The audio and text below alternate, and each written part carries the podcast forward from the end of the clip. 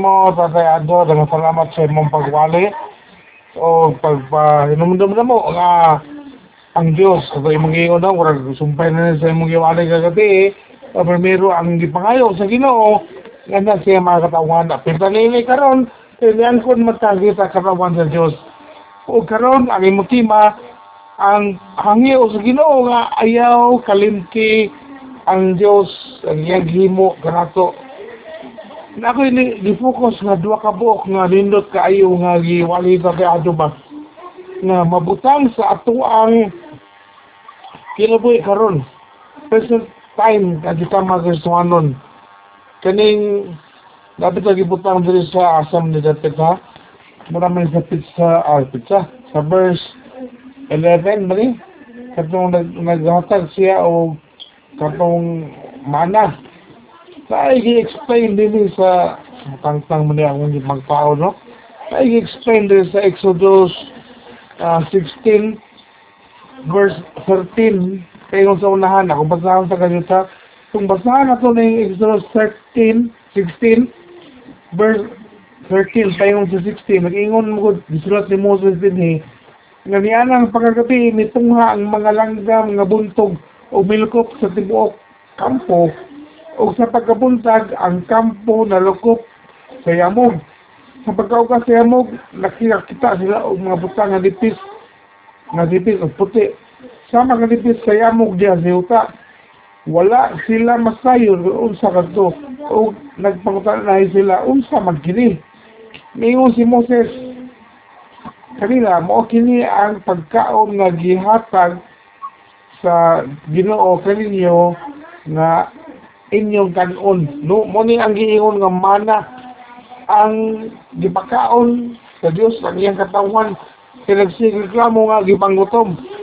Tuninot kay ba gi-describe ang katong mana isuon naghatag ng Dios in abundance wala na gahago ang mga Israelita bisan kita karon wala na pa maghago bisan ang lockdown tibok Pilipinas nangaihutan ni GCQ, ECQ, pero nakahimo gyapon kita pagdawat sa mga asong kalanonon kay ninggamit ang Dios og tawo sa mo ay muhatod ka na to og pagkaon nga di na sa ma maabot sa peligro matakda ni ni COVID pa nga lain-lain na og variant no?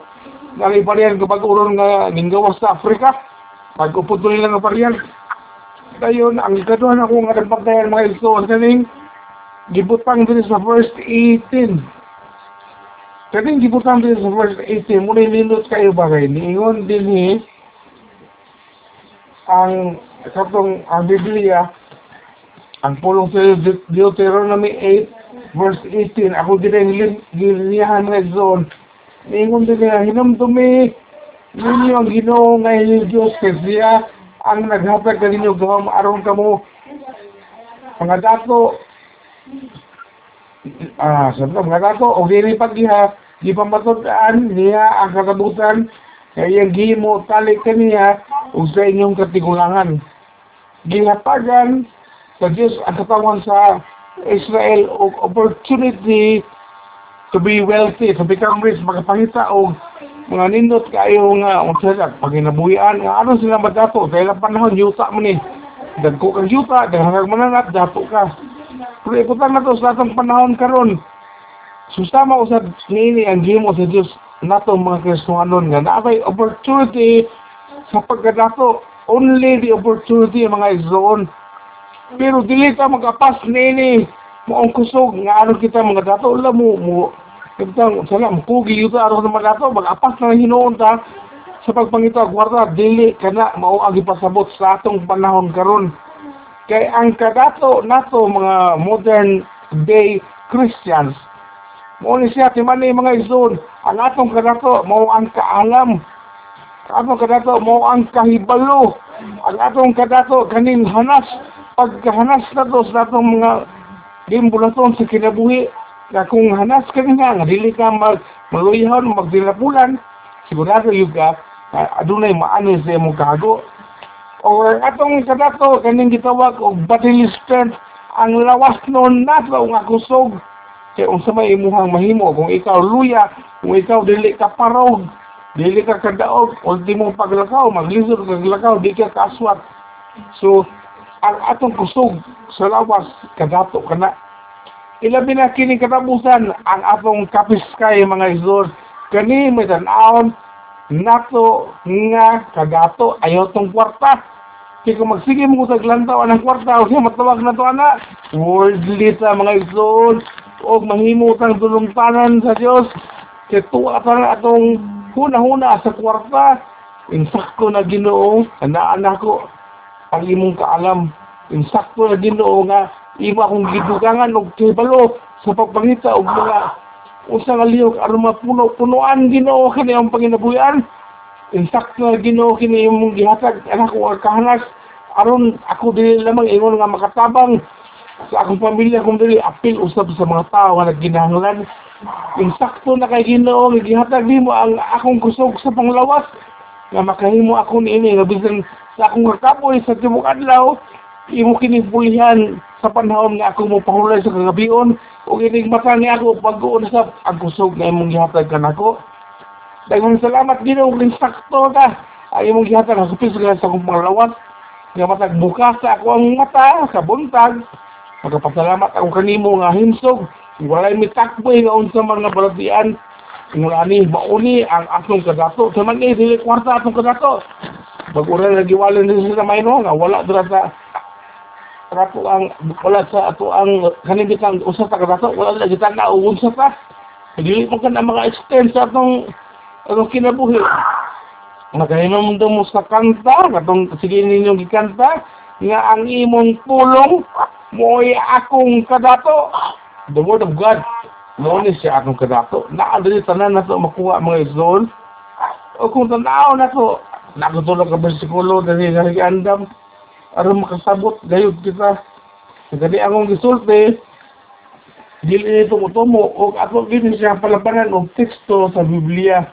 Unahon na to ning Salmo 127 versikulo 2 Nagkanayon ninyo, kawang lamang ang inyong paghago. Ikutlo rin sa may kauna. Pag-ayo aron mabuhi, ang pagbatag sa iyo o ang pagpamulaw. Kay ang ginoo nagsangkap sa iyang giyugma, samtang natulog sila. Walay problema, samtang natulog. Kita karon maisuon, wala na ko lang ginoo sa iyang ibundak na to ugmang adlaw. Sa sunod, kani, ako na nagikutlo ka nito, Proverbs, ako to, Proverbs 10, verse 22. Di sa Proverbs 10, 22, nagkarayon din nga, makadato ang panalangin sa ginoo, dili makalabaw ni ini ang bunga sa kakugi. So mga iso, bahala kung saan man yung kakugi, dako magaling yung makita, pero di di na makatubong sa panalangin sa Diyos.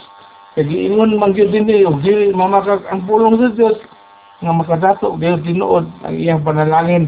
O katapusan nga bersikulo nga ang ihatag, Ecclesiastes 9 verse 11. Timanin niya, uh, 9-11. Adunay, luna pa kayo, ako ilaing butang nga nasayran, ingon siya rin Solomon. Ang gusto, mudagan dili kanunay, maoy mudaog sa lumba ug ang isang dili kanunay uh, maoy mudaog sa gubat ang mga malamon dili kanunay maoy makasitag kabuyan ug ang mga hait ug sa labutan dili kanunay maoy madato. Ug ang may katagos dili kanunay maoy pasilunggan ang tanan mga igsoon mag-agad gayud sa panahon og kay gayunan. Kung ikaw malamon nga Kristohanon, inubalan sa giya sa balaang spirito, kita kanan, bantayan ako, kay mag-agad ang tanan sa panahon o kay gayunan. Akong in-Englisson, time and chance. So kung makuha na yun nimo ang time, ug naa na yun nimo ang chance, grabit. Kaya mo na na, ang buo sa Diyos, itugyan sa iyo tanan, na ayaw pag kaning bot-bot. Kay naaman yung tanan sa Diyos. Pero pagsalig gaining time and chance itugyan sa iya tanan. O katong giwalin sa tayo ato nga iyang gitima duha ka buok. Kung sige pangali sa Diyos na to atong tumanon o ang kining lihok nga dili gayon nato siya kalimtan. Bisag kanon sa apa pero kung ato siyang kalimtan aduna siya gipangsulti nga dili maayo nga may tabo kanatong mga katawhan Dalay ko ng Diyos sa kinabuhi mga iso ni Tatay Ado nga nakapahinumdum ka na to nini.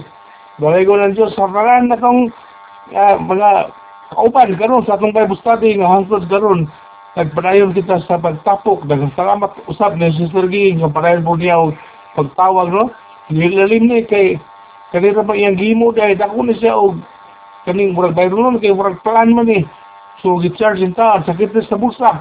Nga, dili na to, usikan ang mata gabi, eh, nga, mura na nagpamina sa uwalay din, nung pagkaugma, mura na giutot, at mong i-aplikar mga isuon, nga, aduna dito makuha, mata gabi, eh, nga, pagkaugma, i-apply din na to, maura ba di ang giwali gabi, eh, oh, Inumusap ni ako nadunggan nga pagbulo, ako ning buhaton, kaya ano malipay ang Diyos, kasi siya na magiging ang nasayo, nakakita sa akong buhaton. So, dalay ko ng Diyos sa ato ang kapaguhan, kaiwan, kapasayloan, o kani mura man new beginning. Mura man ang kani Semana Santa. Mo ni atong new beginning. Bag-o na kita mga lihok mga igsoon uli ni atong kalimtan. Nga aduna kita Dios nga gialagaran. Og siya wala gyud nalimot ka na to. Gibundakan ta niya sa kadagaya. Dayon gihatagan pagayud kita niya og kaning oportunidad og nagkaiya mga gawa maaron makakuha kita sa kadato dinhi ni kalibutan. Aron makatilaw po ta sa iyang pagkamaayo, iyang gugma nga ni kanato. Daligaw na Diyos, kapulong nga yung ipadayan, ang uban nga panahon, akong iulis na to MC, hallelujah, amen.